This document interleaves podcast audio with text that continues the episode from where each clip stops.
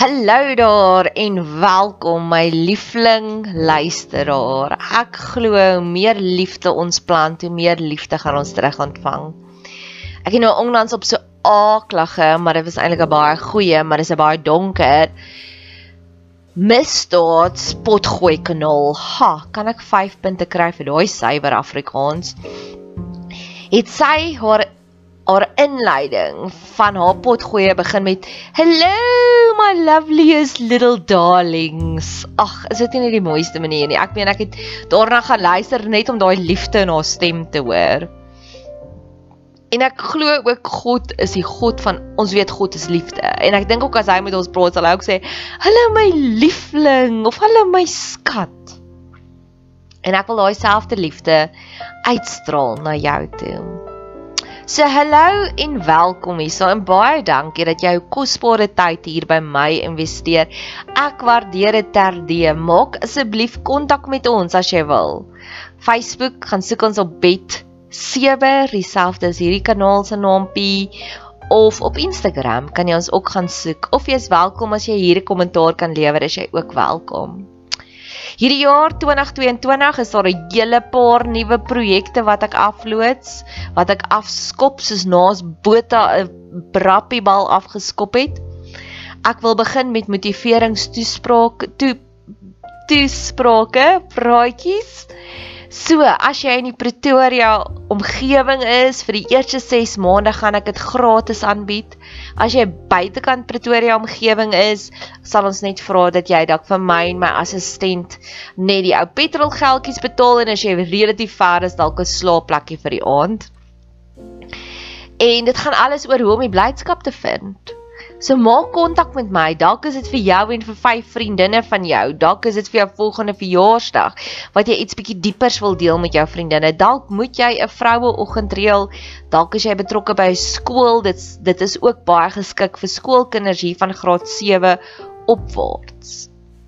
En dan gaan ek ook die einde Januarie my heel eerste boekie uitbring. Dis 'n 22 bladsy boekie. Dis dun, dis nie baie leeswerk, dis baie fotos, dis vol kleur en hy sal maksimum R100 wees. So as jy belangstel en hy's in Engels om een van hierdie twee produkte om my te kry as 'n spreker of om 'n boekie te koop vir jouself of 'n vriendin of 'n sussie, maak asseblief kontak. Geniet die potgooi.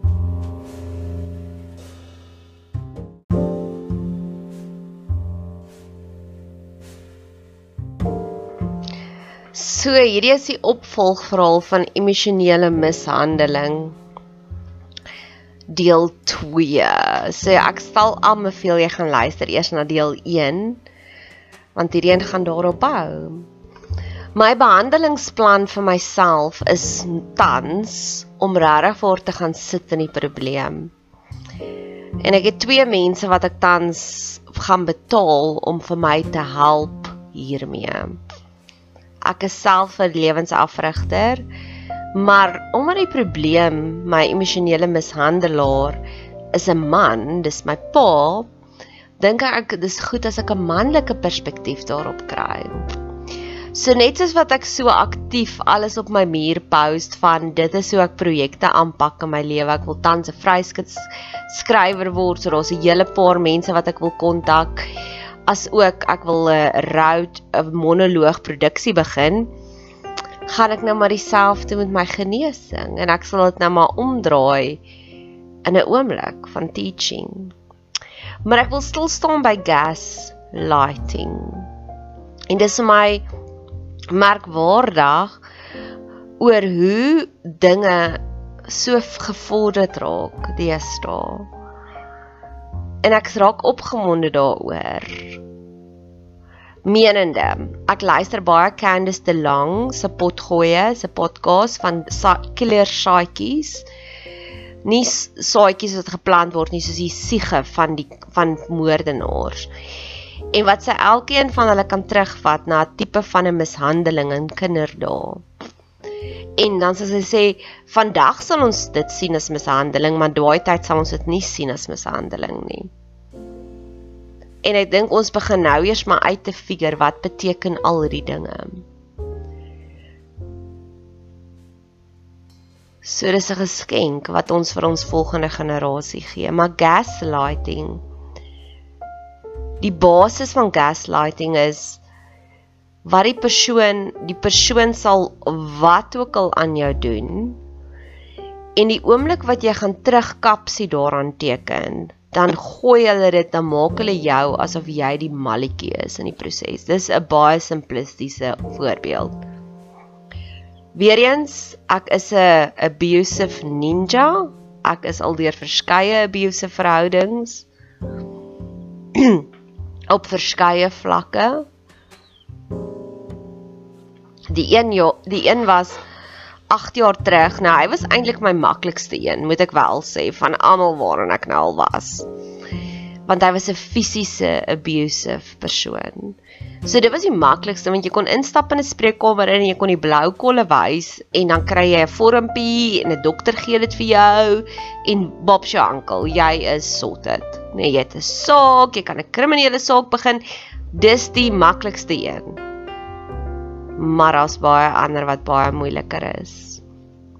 Emosioneel daar's nie 'n blou kom nie. So. Die fisiese mishandelende een hoe hy my gegaslight het die eerste keer wat ek agterkom het iets is regtig vreemd hier. Hy het twee kinders gehad. Nou hierdie wil ek ook vir jou sê. Hy was die sweetste pa met daai twee kinders. Inteendeel dink ek daai twee kinders sou baie beter afgewees het as hulle hier en daar 'n pak slaag gekry het. So moenie dink as jy die enigste slagoffer is van iemand se abuse dat daar iets fout met jou nie. Daai is die beste klassieke geval. Hy was 'n sweet pappa. Hy was 'n submissive seun vir sy dominerende ma. Maar ja. So abusers tree verskillend op met verskillende mense in hulle lewens. So wat gebeur het die heel eerste keer wat ek gegaslight is en toe het ek nie eens geweet ons het terms soos gaslighting nie. Ek het 'n pragtige oorlosie gehad en dit was een van die laaste geskenke wat my ma ooit vir my gegee het. So die die oorlosie my ma se oorlede 'n paar jaar terug. Dit was omtrent so 'n jaar nadat sy oorlede was en ek was in baie ernstige rou oor haar. Van al my rouprosesse was dit my ergste een nog ooit en ek het baie van myself geleer en van die proses van rou. So ek was irrasioneel op daardie stadium want ek was in rou en dis oukei. Okay. As jy in rou is, gaan jy anders optree. En ek het die oorlo ek het skorrel goed gewas en ek het die oorlosie afgehaal en langs die wasbak gesit. Nou moet my nie verkeerd verstaan nie. Ek was smoor verlief op sy twee kinders ook en ek was baie lief vir hulle. Baie baie baie. So ons het glad nie 'n slegte, dit was nie daai stiefma verhouding nie, glad nie. Inteendeel Ek dink die dogtertjie het 'n beter verhouding met my gehad as met enigiemand anders in haar lewe. En die kinders het met my oorlosie gespeel, maar hulle was kinders en hulle het die oorlosie gebreek. En die volgende oggend ek wakker word het hulle die oorlosie weggesteek agter hulle geliefde um hy het vir hulle ag ja, hy het vir hulle 'n uh, nie 'n klavier nie. Hy het vir hulle ja, so so speel klaviertjie gekoop. En hulle was mal oor die ding en hulle die oorlosie daar agter gaan wegsteek. Wat kinders sal doen? Hulle het besef hier's nou 'n foutjie. En ek het die oorlosie gaan kry en ek het gesê, "Ag julle, kyk wat gebeur met my oorlosie." En hulle pa het heel eers te my aangeval van dis kinders jy kan nie verwag, jy kan nie kwaad wees oor die kinders as jy nie jou eie goed kan oppas nie. Nou ek was nie kwaad in daardie oomblik nie want dit is kinders, maar ek was kwaad oor sy reaksie. Want dit was nie my skuld nie. Ja, daar het iets gebeur, maar don't pile on the guilt. So daai is die beste voorbeeld wat ek het van gaslighting. My beste remedy vir gaslighting is vind jou eie senses.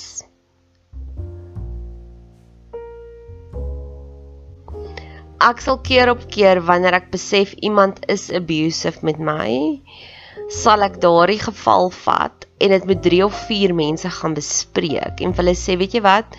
Hiersoos wat gebeur het. Hiersoos hoe ek voel. Hiersoos hoe hierdie persoon reageer. Help my, leer my, is ek verkeerd?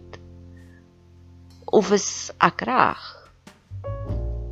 Want is so wanneer jy jou senses kry, want wanneer jy jou senses het, het jy weer jou selfvertroue terug, want dis wat hulle wil hê.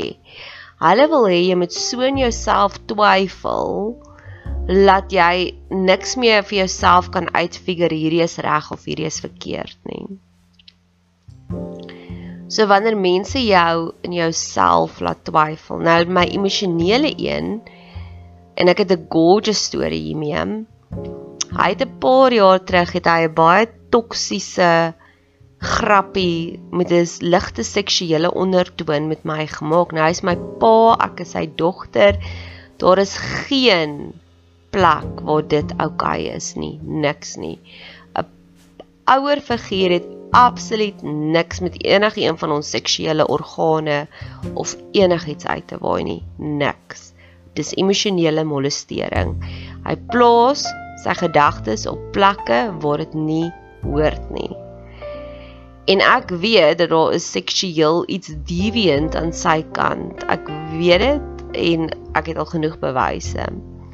So ek is op high alert met hom want ek weet daar's iets wat nie reg is nie. Ek kan nie my vinger daarop plaas was hy dalk moontlik gemolesteer toe hy klein seentjie was. Ek weet nie. So toe hy die grappie maak, nou wat wat die beauty is, God het vir Abraham gesê, Abraham trek uit jou vaderhuis uit. En die hele verhaal van Abraham en Lot gaan die hele tyd oor vir my As jy in toksiese omstandighede is, gaan jy toksies begin dink. Dis hoekom Lot nie uit Sodom en Gomorra wou eh, getrek het nie. En ek het dit al met my eie pa ondervind, hoe minder interaksies ek met hom het, hoe gesonder word ek. En elke keer wanneer ek dan tyd met hom spandeer, walg sy optrede my al hoe meer en meer, want ek so gewoond aan gesond dat 'n paar minute in en dan besef ek hierdie is ongesond, hierdie is toksies.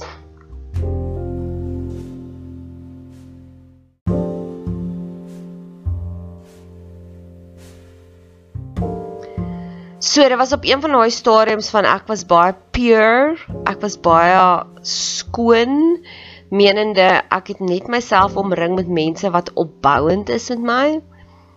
Toe kom hy en hy maak twee keer die grapie. Nou ja, elke keer wanneer 'n abuser voor jou staan, het jy hierdie oomblik van keuse. Gaan ek hierdie persoon enable of gaan ek dit net ignoreer? Want ons almal het so klein bietjie abuse in ons. Ons almal kan baie keer bietjie abusive raak, maar die normale persoon sal as hy sien hy kry nie 'n reaksie nie, sal ophou daarmee.